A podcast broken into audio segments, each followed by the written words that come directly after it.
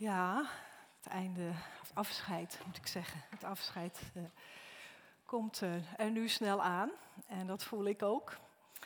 En ehm, ja, je weet gewoon als voorganger dat uh, je, je loopt een tijd op met een gemeente en dan weet je dat je op een gegeven moment ook weer geroepen wordt om een andere weg te gaan. En, dat, en het is goed, wat Mary ook zei, dat we gewoon mogen weten God gaat met ons mee, God gaat met jullie mee als gemeente en gaat ook met mij mee. Dus dat is het vertrouwen wat we hebben.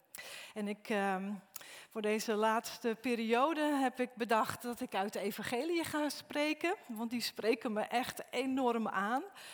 En uh, ik heb mezelf de opdracht gegeven om verhalen daaruit te kiezen waarvan je in eerste instantie denkt, wat moeten we daar nou mee? Dus, dus dan denk ik iedere keer als ik er aan begin, dan denk ik, nou, ik ben zelf ook heel benieuwd, wat gaat hier nu uitkomen? Dus een paar weken terug was het Matthäus, en was die gelijkenis over, eh, over hè, dat koninklijke bruiloftsmaal, waar de genodigden niet voor willen komen. En dan is er, uh, er worden anderen genodigd. Dan is er een man die is niet goed gekleed, die kan er ook uit. En dan heb je zoiets, waar gaat dit over? Nou, het gaat wel degelijk ergens over. Maar je moet dan even goed zoeken. En ja, zo'n soort verhaal heb ik dan uh, vandaag uit Marcus. En Marcus begint zijn evangelie met een, uh, een krachtig statement. En hij zegt, dit is het evangelie van Jezus Christus, Zoon van God. Zo, dat staat. En nu ga ik vertellen waaraan je dat kunt zien. Dat hij de Zoon van God is, dat het waar is, opdat je het zelf ook gaat zien en gaat geloven. Dat is wat Marcus wil. En dan in de eerste acht hoofdstukken, dan horen wij allemaal getuigenissen, verhalen van genezingen die Jezus doet, van uitdrijving van onreine geesten. En telkens weer blijkt dat Jezus' macht sterker is, groter is dan de kwaal of de handicap en machtiger dan de boze geest. Zijn macht is zo groot dat hij zelfs de woeste zee en wind tot zwijgen kan brengen. En daarmee wil Marcus iedere keer zeggen: Zie je het nou? Zie je het nou? Zie je het dat hij dus inderdaad de zoon van God is? Want een mens zoals wij kan dit toch niet? Zie je het zelf? Dat de macht van God in hem is en van hem uitgaat. Nou, en daar is dit uh, verhaal ook uh, voor bedoeld. Hij wil hiermee hetzelfde laten zien. Kijk, zie je het? Dit is, uh, ik ga lezen uit Marcus 5. Ik heb het niet op de beamer, want het is een heel verhaal. Dus als je je Bijbel mee hebt, dan uh, kan je het opzoeken. Marcus 5 en ik begin in vers 1. En ze kwamen aan de overkant van het meer, het meer van Galilea, in het gebied van de Gerasenen. En toen hij uit de boot gestapt was, kwam hem meteen vanuit de grafspelonken een man tegemoet die door een onreine geest bezeten was en in de spelonken woonde. En niemand kon hem meer vastbinden, zelfs niet met kettingen. En hij was al dikwijls aan handen en voeten geketend geweest, maar dan trok hij de ketenen los en sloeg hij de boeien stuk. En niemand was sterk genoeg om hem te bedwingen. En altijd, dag en nacht, liep hij schreeuwend tussen de rotsgraven en door de bergen en hij sloeg zichzelf met stenen. En toen hij Jezus in de verte zag, rende hij op hem af en wierp zich voor hem neer. En luidschreeuwend zei hij: Wat heb ik met jou te maken, Jezus, zoon van de Allerhoogste God? Ik bezweer je bij God, doe me geen pijn. Want hij, Jezus, had tegen hem gezegd: Onreine geest, ga weg uit die man. En Jezus vroeg hem: Wat is je naam? En hij antwoordde, legioen is mijn naam, want wij zijn met velen. En hij smeekte hem dringend om hem niet uit deze streek te verjagen. Nu werd er op de berghering een grote kudde varkens gehoed. En de onreine geesten smeekten hem, stuur ons naar die varkens, dan kunnen we bij hen intrekken. En hij stond hun dat toe. En toen de onreine geesten de man verlaten hadden, trokken ze in de varkens en de kudde van wel 2000 stuks stormde de steile helling af het meer in en verdronk in het water. De varkenshoeders sloegen op de vlucht en vertelden in de stad en in de dorpen wat ze hadden meegemaakt. En de mensen gingen kijken wat er gebeurd was. En ze kwamen bij Jezus en zagen de bezetene daar zitten, gekleed en bij zijn volle verstand. Dezelfde man die altijd bezeten was geweest door het legioen en ze werden door schrik bevangen. En degenen die alles gezien hadden, legden uit wat er met de bezetenen en met de varkens was gebeurd. En daarop drongen de mensen er bij Jezus op aan om hun gebied te verlaten. En toen hij in de boot stapte, smeekte de man die bezeten was geweest om bij hem te mogen blijven. En dat stond hij hem niet toe. En hij zei tegen hem: Ga naar huis, naar je eigen mensen en vertel hun wat de Heer allemaal voor je heeft gedaan en hoe hij zich over je heeft ontfermd. En de man ging weg en begon in de Decapolis rond te vertellen wat Jezus voor hem had gedaan.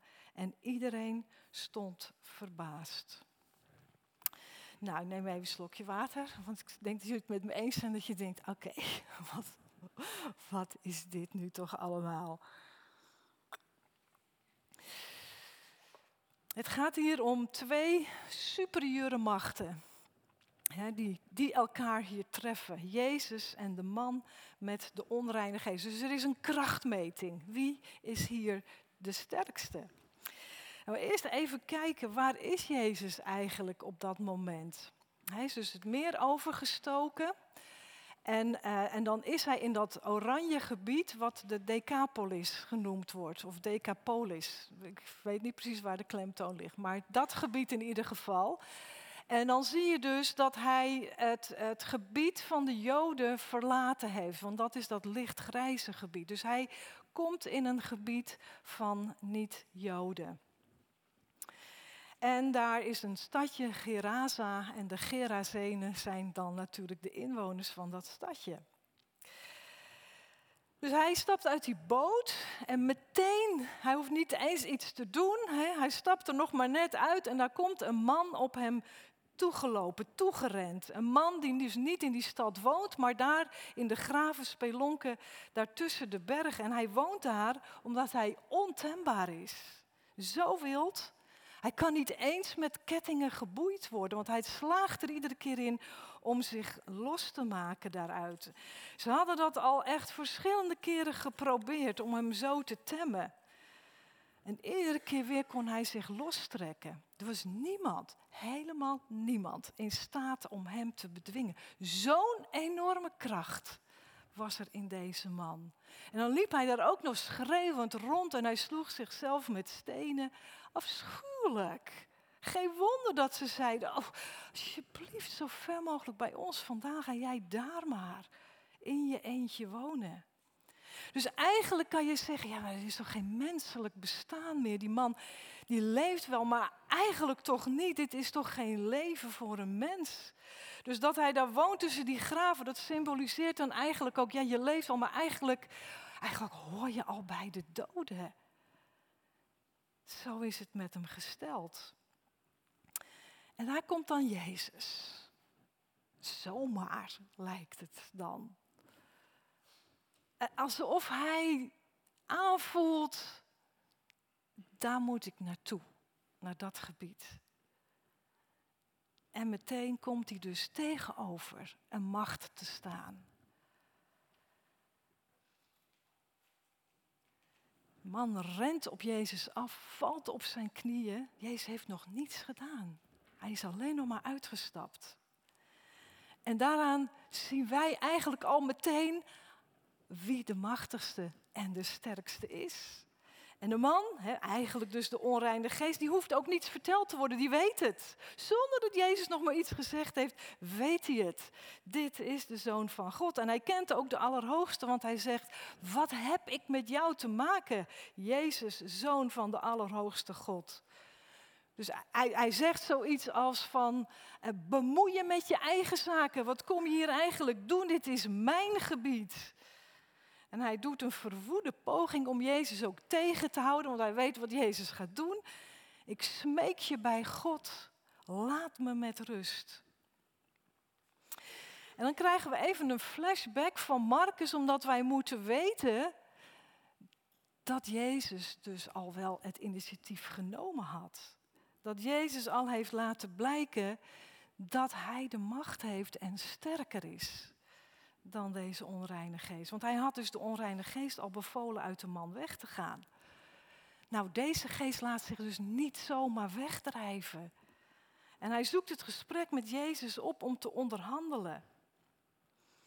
En Jezus gaat erop in en hij vraagt hem naar zijn naam. Legioen heet hij. En dat is informatie voor ons. Om te begrijpen dat deze man niet door één onreine geest wordt bezeten, maar zelfs dus een heel leger. Een heel leger. En wij moeten dat weten, wij moeten dat zien, wij moeten dat horen om dan te beseffen hoeveel sterker de macht van Jezus is. Het is één tegen een heel leger. Zie je het nou? Hoor je Marcus bijna influisteren? Zie je het? Jezus sterker dan een legioen boze, onreine geesten. Er wordt onderhandeld omdat deze geesten niet uit deze streek weg willen. Zij hadden het tot hun woongebied gemaakt. En dan denk je bij jezelf, kan dat dan? En ik dacht bij mezelf, en gebeurt dat dan nu nog steeds? Dat kwade, onreine geesten ergens in een gebied dat tot hun woongebied maken. En ik dacht bij mezelf, nou ja, luisterend naar het nieuws. Daar waar echt agressief geweld is, onrecht, onderdrukking, bijvoorbeeld van de IS of in de Tweede Wereldoorlog de nazi's. Maar er zijn nog steeds plekken op de wereld waarvan ik denk, nou ja, voor mij klinkt dat inderdaad alsof daar boze geesten in zijn getrokken en dat tot hun woongebied gemaakt hebben. Onze blik wordt nu in een andere richting getrokken. Want er was daar een helling waar kudde varkens graasden. Dus de geesten hebben een alternatieve woning voor zichzelf bedacht. En ze smeken Jezus dat ze in die varkens mogen trekken. En opnieuw is dit een erkenning hè, dat Jezus sterker is en dat zij het weten. Want ze kunnen dus niet zomaar weg waarheen ze zelf willen, maar ze hebben toestemming van Jezus nodig. En hij staat het hen toe. En dan het volgende. Ze verlaten inderdaad de man. Ze trekken bij die varkens in. En dat dit inderdaad gebeurt, hè, dat gaat erom, want we zijn er zelf niet bij. Dus wij moeten dat voor ons zien gebeuren. En we weten dat ze uit de man weg zijn en in de varkens, omdat deze varkens dan helemaal doordraaien. Net als de man. Zij draaien nu helemaal door, net zoals die man. En als gekken stormen ze de helling af, het meer in, waar ze verdrinken. Ook daar denk ik echt vreselijk. En dus die wilde ontembaarheid, die verplaatst zich nu van de man naar deze varkens. En die arme varkenshoeders, die daar gewoon rustig zaten. Of misschien wat rondliepen om te kijken of het allemaal goed ging met de varkens. Zoals ze dat dag in dag uit deden die zien ineens die hele kudde wegstormen het meer in. Je schrik je toch misselijk als je dat ziet gebeuren. Wat een angstige ervaring. Dus geen wonder dat ze op de vlucht slaan, terug naar de stad en zeggen: Mensen, moet je nou eens horen wat wij hebben gezien, wat ons is overkomen. Dat geloof je gewoon niet. Het is onbegrijpelijk dat Jezus dit laat gebeuren. 2000 varkens die niet de varkenspest hebben. Gezonde varkens. Boem, zo het meer in. En drama voor de bezitters die daarmee ook hun inkomsten verliezen. Ja, wat zeg je daar nou over? Ik heb afgelopen week voor het eerst van mijn leven de dierenambulance gebeld. En dat was een hele nieuwe ervaring voor me. Wij hadden namelijk een duif in onze achtertuin. En die duif ging niet meer weg. En ik zag hem de volgende dag weer. Ik dacht, wat, wat, ben jij daar aan doen? Jij moet toch wegvliegen? En toen zag ik dus dat hij dat niet meer kon. Hij kon niet wegvliegen en dacht, ach, dat arme beest, dat zit dus nu gevangen in onze achtertuin. En ik dacht, wat moet ik daar nou mee? En Antonia ook eens kijken. Hij zegt, nou, hij ziet er wel heel opgezwollen uit. Is hij wel goed? Ik zeg, ja, heb je gelijk in. Misschien is het gewoon een hele oude, zieke duif die helemaal op is. Wat moeten we nou? Dus hij, ik dacht, nou ja, ik, ik weet het ook niet, weet je. Ik denk, ik zet de poort maar open, dan kan die eruit. En ehm, ja, dan is die wel prooi voor de katten. Maar ja, weet je, dit is ook wel de natuur, toch? ik, ik, had het al gedaan, die poort stond open, maar hij ging er niet uit. Toen dacht ik, nou, ik vind, nee, ik vind dat toch niet een goed idee. Nee, daar heb ik op internet opgezocht, wat moet een duif eten? Want ja, hij krijgt ook geen eten nu. Nou, ik strooi wat zonnebloempitjes. Nou, nou die hoefde niet ook niet. Nu heb ik maar even wat mensen gepolst waarvan ik dacht, die hebben er volgens mij meer verstand van dan ik. Wat moet ik doen? Ja, vogelbescherming. Dus ik naar de site. Ja, nee, je moet een dierenambulance uh, bellen. Nummer 144, alarmnummer. Oké. Nou, ik dat doen en weet je, dan is het net alsof je de huisarts belt. Als het een kritieke toestand is, een beest gaat bijna dood, toets 1.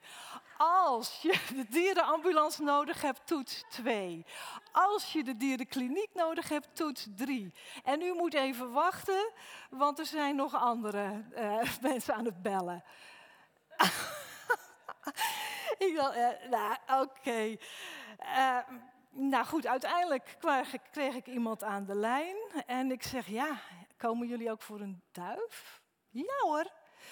Oké, hij zegt, maar je moet hem wel even in de doos doen, want ze komen niet bij je in de achtertuin om hem achterna te zitten en hem te vangen, want het is heel erg druk. Oké, heel erg druk. Nou, goed. Ik zeg, nou, Tony, we moeten hem zelf vangen. Nou, wij met z'n tweeën daarheen. Nou, dat ging natuurlijk niet zo makkelijk. Maar het is ons gelukt. We hadden hem in een kistje. Ik heb hem bij de voordeur gezet. En ja, daar kwam de mensen van de dierenambulance. En hij pakte hem hij zegt, oh weet je, dit is een hele jonge duif die net zijn nest verlaten heeft en niet meer goed kan vliegen. Of nog niet zo goed kan vliegen. Oh, oké. Ah, ik zeg, nou, Antoni, ik geloof dat wij 0,0 verstand hebben van vogels. dus, maar we hebben een hele goede daad verricht. Het beest is gered.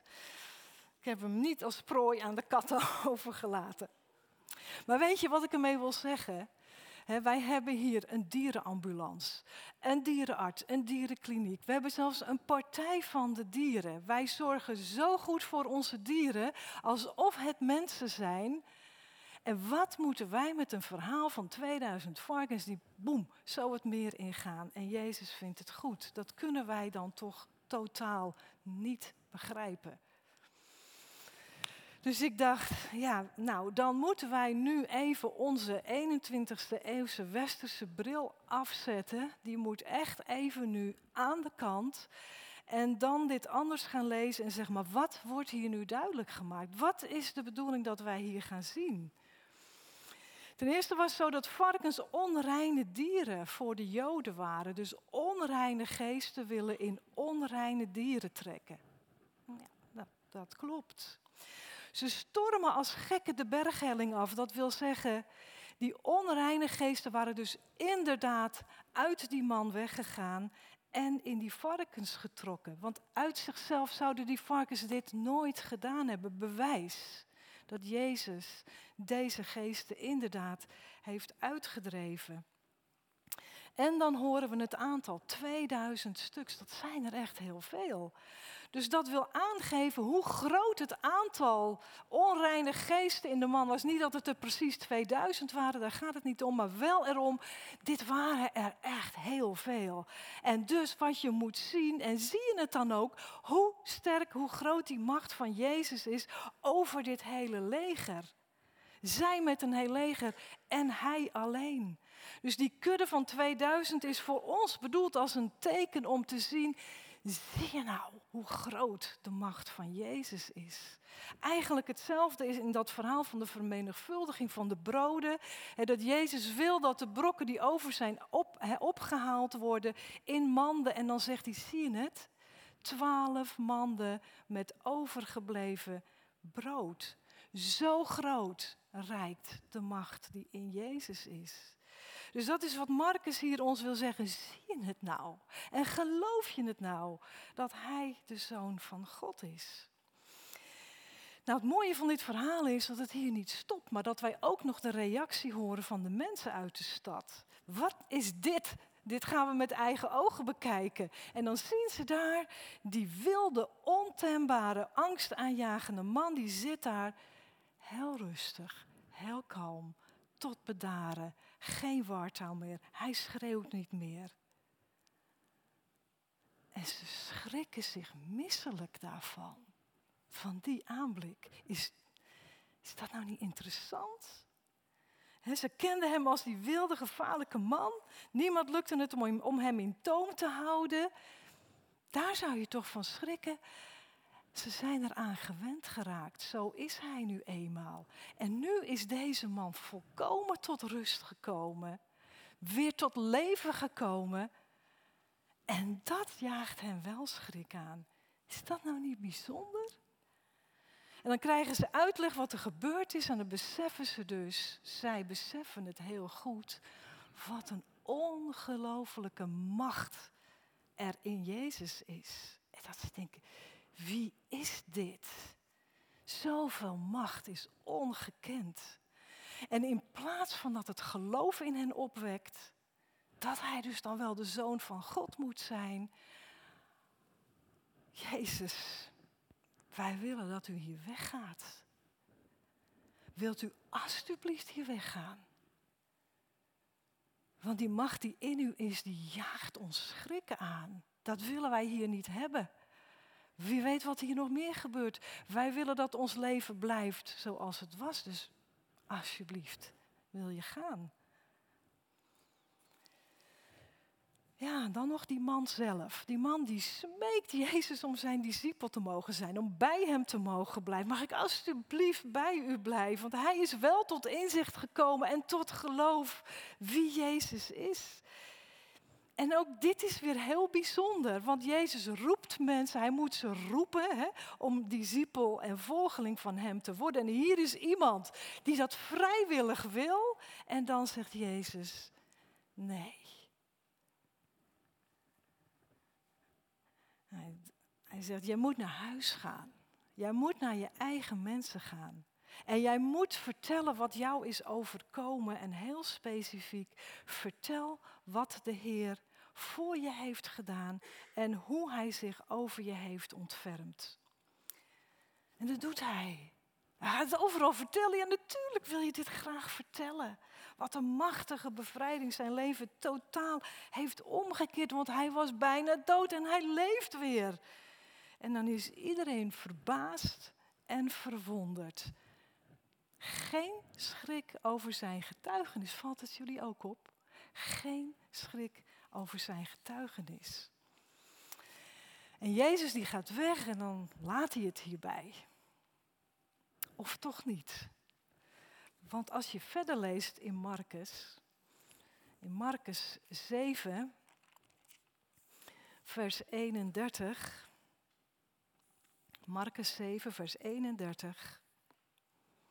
Dan staat daar, Jezus vertrok weer uit de omgeving van Tyrus en hij ging via Sidon naar het meer van Galilea, dwars door het gebied van de Decapolis. Hij ging daar terug, dwars door het gebied van de Decapolis. Hij ging daar terug, niet gewoon zomaar.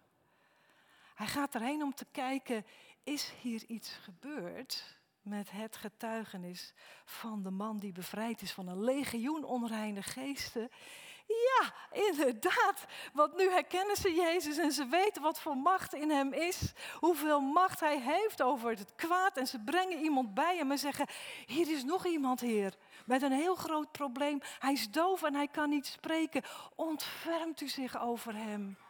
Wij smeken dat u uw hand op hem legt en hem geneest. En doet Jezus. man kan weer horen, kan weer praten. Diep onder de indruk zijn ze. Geen angst en geen schrik meer. Mensen waren geweldig onder de indruk en ze zeiden: alles wat hij doet is goed. Zelfs doven laat hij horen en stommen laat hij spreken.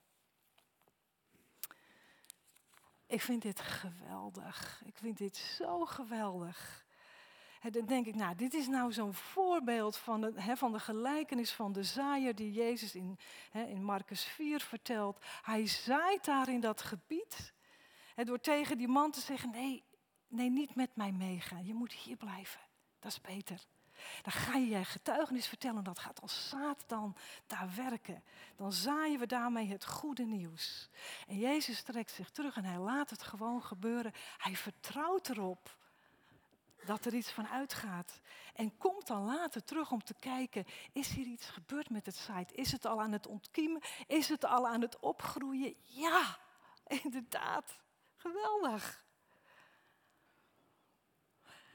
Nou, dit hele merkwaardige verhaal ziet er nu toch wel anders uit. Vinden jullie ook niet?